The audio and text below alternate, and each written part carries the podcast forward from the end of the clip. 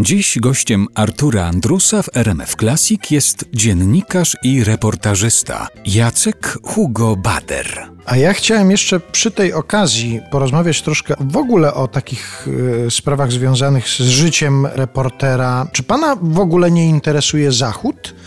Pana interesuje tylko wschód? Na zachodzie nie ma tajemnicy jakiejś, która by mogła pana tak pociągnąć, żeby tam pojechać i coś zrobić? Na pewno są.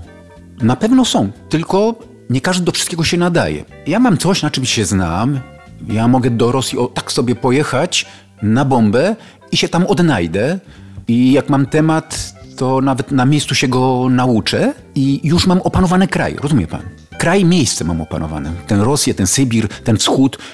Mogę łatwo się, jak to Rosjanie mówią, przekluczyć głowę na cyrylicę i myśleć po rosyjsku. No dość szybko zaczynam myśleć po rosyjsku. Kiedyś mnie wygnali, kurde, w redakcji powiedział, Jacek, trzeba o Bułgarii napisać tekst, bo tam coś. Dlaczego ja mam to napisać? Mówię, jakże? No bo przecież ty mówisz po rosyjsku. Mówię, no ale w Bułgarii nie mówią po tylko po bułgarsku. Mówię, ale przestań, ale to prawie taki sam język, mówię, zupełnie inny. Ale bo też cyrylicą się pisze. No i wy, wygnali mnie tam. Ja tam pojechałem, zresztą napisałem fajny chyba tekst z y, Zetkiem Krzemieniem, bo on w Bułgarii wychowany, kawał życia spędził. Wspólnie pisaliśmy ten tekst. Ale to jest jednak inny świat. Rosja i na wschód od Bugu dla mnie to jest moja druga ojczyzna. Kocham to miejsce, uwielbiam Rosję, uwielbiam Rosjan. A tam jest tyle rzeczy do opisania, że po co ja mam szukać jeszcze gdzie indziej? A z drugiej strony, czy wiodąc takie życie, zajmując się tym, czym się pan zajmuje, czy pan jest w stanie zwiedzać świat jako taki zwykły turysta? Na przykład wyobraża pan sobie w czasy w Egipcie i oglądanie piramid? No nie. Ja się złapałem na tym wszystkim, że no kawał świata widziałem, no bo ja ciągle na wschód, nawet i w Chinach byłem, i w Mongolii, i w Wietnamie, po dziennikarsku opisywałem te miejsca, bo mnie ten postkomunistyczny świat bardzo interesuje. Strasznie żałuję, że nie znam języka wietnamskiego, że nie znam chińskiego. A skąd nie pan wie, że pan nie zna? Z rosyjskim podobno też tak było, że niespodziewanie, nawet użył pan takiego tak. sformułowania, że niespodziewanie pan zaczął mówić po rosyjsku. Tak, nies niespodziewanie, ale jak się okazało, że to coś, co nam wkładali przez te wszystkie lata w perelowskiej szkole do łba, co myślałem, że to w ogóle mnie omija, to jednakże to gdzieś tam w jakimś zwoju się odkłada. Jest taka no, w zasadzie ja ją opowiadam tę historię, ale to ja w zasadzie nie powinienem opowiadać, bo to się nie ma czym chwalić. No bo ja pojechałem na wywiad z Kałasznikowem, no wyobraża pan sobie, no to jest, chyba nie ma człowieka na świecie, który by nie wiedział, kto to jest Kałasznikow, więc wielka postać, wielka historia.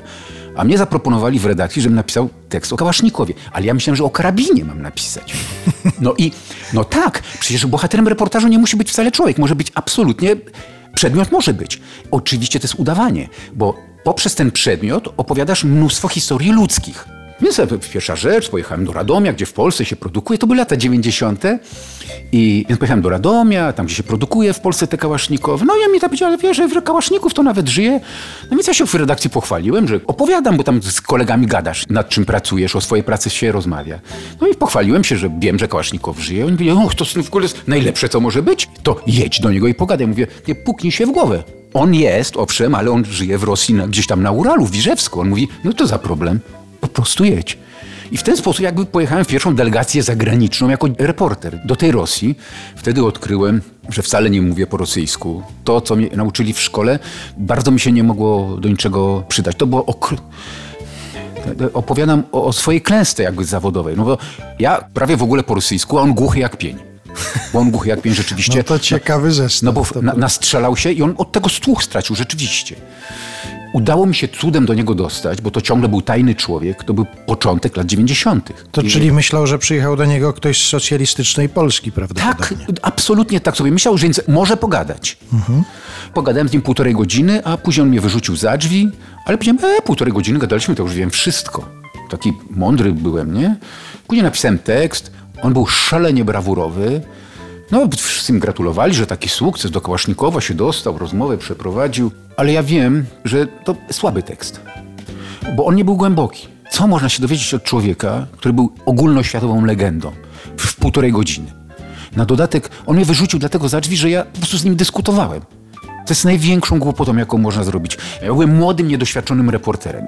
Co kogo w ogóle na świecie interesuje, jakiś głupi Hugo Bader ma do powiedzenia? Kałasznikow, to jest ktoś, to jest legenda, to jest postać. On powinien mówić. Ja powinienem tam siedzieć rozwartą gębą i słuchać, co on ma do powiedzenia dwa miesiące, a nie półtorej godziny. Powinna z tego powstać gigantyczna książka, ale ja byłem wtedy za krótki. I wiem, że to była największa strata, jaką ja poniosłem reportersko. Ale no nic na to nie poradzę, za wcześnie trafiłem na tego bohatera.